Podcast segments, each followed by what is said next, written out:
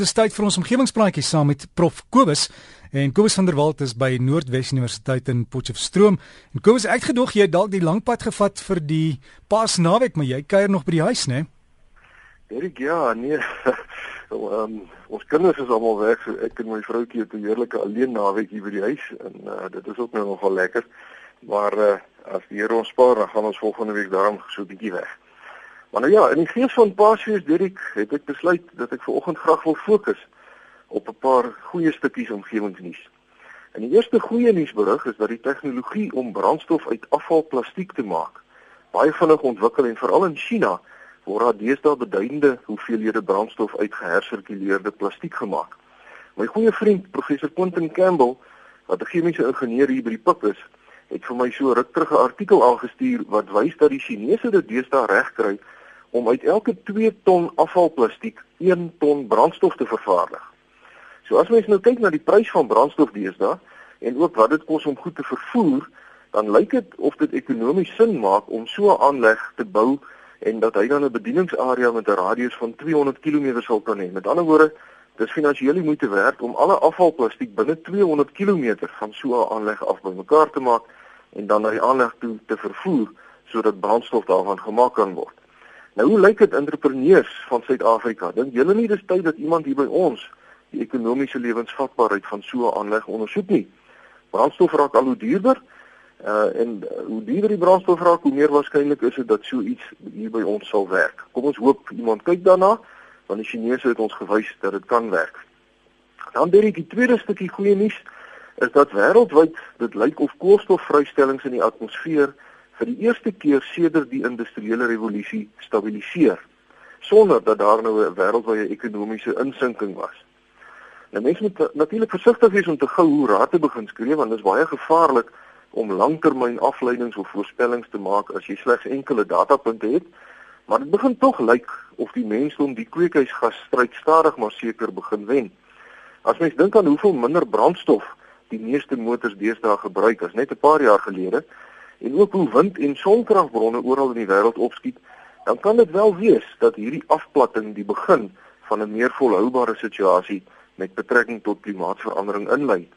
Die wêreld se twee grootste ekonomieë, naamlik Amerika en China, verdien natuurlik lof in hierdie verband want China is een van die wêreldleiers op die gebied van groen energie en in Amerika het die verbruik van aardgas in die plek van uh olie en steenkool uh, onlangs dramaties toegeneem so oor die afgelope twee dekades. En gas se invloed op die omgewing is natuurlik omtrent die helfte so groot as wat olie of steenkool se invloed is.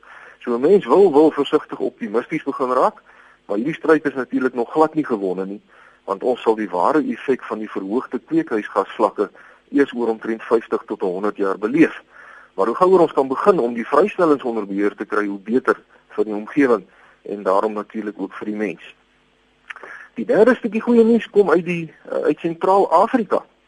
Waar daar vir die eerste keer sedert 1950 'n leeu op die grasvlaktes van Gabon opgemerk is. Nou niemand het die leeu daarheen vervoer nie, wat die vermoede laat ontstaan dat hierdie jong leeu mannetjie uit die Kongo afkomstig is.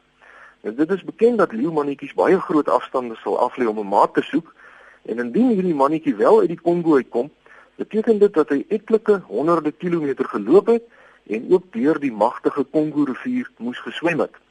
Nou hoe dit ook al sê, die leeu is tans in die Bateke Plateau Nasionale Park en kom ons hoop die parkowerhede kry vinnig vir die mannetjie 'n wyfie in die hande sodat die leeu's van Sentraal-Afrika kan herlewe. En dan in die vierde plek 'n interessante nuusbrokkie uit Amerika. Navorsers in die staat van New York het bevind dat jagters en voëlkuikers 'n gemeenskaplike eienskap het. En dit is dat hulle heelwat meer begaan is oor omgewingsvolhoubaarheid as die gemiddelde plattelandse Amerikaner wat nou nie aan een van hierdie twee aktiwiteite deelneem nie. Nou dit klink vreemd dat jagters en voëlkykers in dieselfde groep geklassifiseer kan word. Maar opnames het bewys dat beide hierdie groepe mense 4 tot 5 keer meer gewillig is om iets goeds vir die omgewing te doen as ander mense. En dit sluit nou goed in soos om die habitatte op openbare gronde en in parke te help verbeter om deel te neem aan plaaslike bewaringsaksies en ook om sulke projekte finansiëel te ondersteun en ook dan om in die media voorspraak te maak vir 'n ongeskonde natuur sodat meer mense die geleentheid kan hê om die natuur te geniet. soos byvoorbeeld deur te gaan stap of witwater kanoes op riviere mee te ry, fietstoere of sommer net heerlike veldpikniks. Ek weet veral jagters loop soms erg deur onder allerlei etiese en morele argumente, maar hierdie navorsing bewys dat jagters 4 keer meer positiewe aksies neem vir 'n volhoubare omgewing as die mense wat in hulle huise oor die jagters sit en kla. En daarom wil ek vanoggend ook vir al die jagtersverenigings hier by ons sê baie dankie vir alles wat julle doen om ons omgewing te bewaar. Dan in die vyfde plek is daar goeie nuus oor die reuse pandabeer. Hierdie beer word krities bedreig met uitsterwing Maar oor die afgelope 10 jaar het hulle getalle met 268 individue gestyg sodat daar nou 1864 pandabeere op aarde is. En dis weer eens die Chinese wat krediet hiervoor moet kry. Die reuse panda kom net in China voor en lewe van bamboes. En die rede vir die daling in hulle getalle is omdat die bamboesbosse vernietig word om plek te maak vir landbougrond. Maar die Chinese regering het maatreëls in plek gestel om die habitat van die panda weer uh, pandabeer te bewaar en dit is duidelik dat hierdie maatreëls die gewenste uitwerking het. En dan die laaste stukkie nuus, Derek, kom ook uit China en dit is dat die Chinese regering aangekondig het dat hulle 'n jaarlange verbod op die handel in ivoor instel om te help met die stryd teen die stroping van olifante en die onwettige handel in ivoortande. Nou hoe effektief hierdie verbod gaan wees sal ons nog maar moet sien want China het genoeg opgebergde ivoor om vir minstens 'n jaar lank in hulle binnelandse vraag te voorsien. So mens weet nou nie wat na die jaar gaan gebeur nie. Maar be bewaringsaktiviste in China is tog opgewonde hieroor want hulle sien dit as 'n baie belangrike eerste stap in die regte rigting.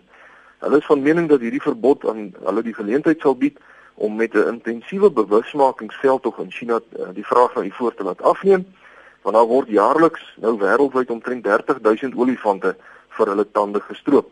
So kom ons hoop hierdie maatreël het wel die gewenste langtermyn uitwerking. Omgewingsvriende, daarmee sluit ek af vir oggend. Mag diegene van u wat Christene is, 'n baie geseënde Paasnaweek hê en vir die van u wat bietjie op vakansie is, wens ek 'n heerlike rustyd toe. Skryf gerus vir my. Uh, my rekenaaradres is kobus.vanderwalt@nwu.ac.za of u kan my kry by die fakulteit Natuurwetenskappe, Noordwes Universiteit, Potchefstroom 2520. Vriendelike groete tot 'n volgende keer. Kobus, dankie en heerlike Paasnaweek vir jou. Ek net vinnig 'n vraag. Ek sien in party koerante is daar Blood Moon Rises. Wat wat is dit, weet jy? Nee, dis, ek dink dit is volmaan wat Dit het by my verbygegaan. Ek sou net moet gaan kyk. jy sê moet kyk. Dalk dalk sit jou huiswerk vir 'n volgende keer. Ek weet hulle praat van 'n blood moon, 'n rooi maan wat opkom en uh sekere konnotasies wat daaraan is en ek, ek, ek weet nie. Ja, ek ek wonder of dit nie maar te maak het met die bloedmaan storie wat hmm. uh, wat wat ons nou in is nie, die die tydperke waar daar daar's mos vier geleenthede waar daar sogenaamde bloedmaane is en so. Ek sal 'n bietjie kyk Derrick en uh, as dit iets belangrik is wat ek dink ons mense van moet kennis neem, dan sal ek bietjie gesels daaroor. Ja, Kobus, jy moet dit verder geniet. Net seker maak jou e-posadres is kobus. Van der Walt by nwu.ac.za. So gesels ons dan met Kobus van der Walt en terloops die gesprek sal se pot gooi hier by maandag by rsg.co.za beskikbaar wees. Ons rekenaar neem dit op en dan maak net seker alles is reg en dan kan jy hom weer gaan luister as jy dalk iets gemis het. So dis rsg.co.za kyk net vir pot gooi breakfast met Derek en dan soek jy omgewingspraatjie. Dit Kobus se e-pos is kobus.vanderwalt by nwu.ac.za.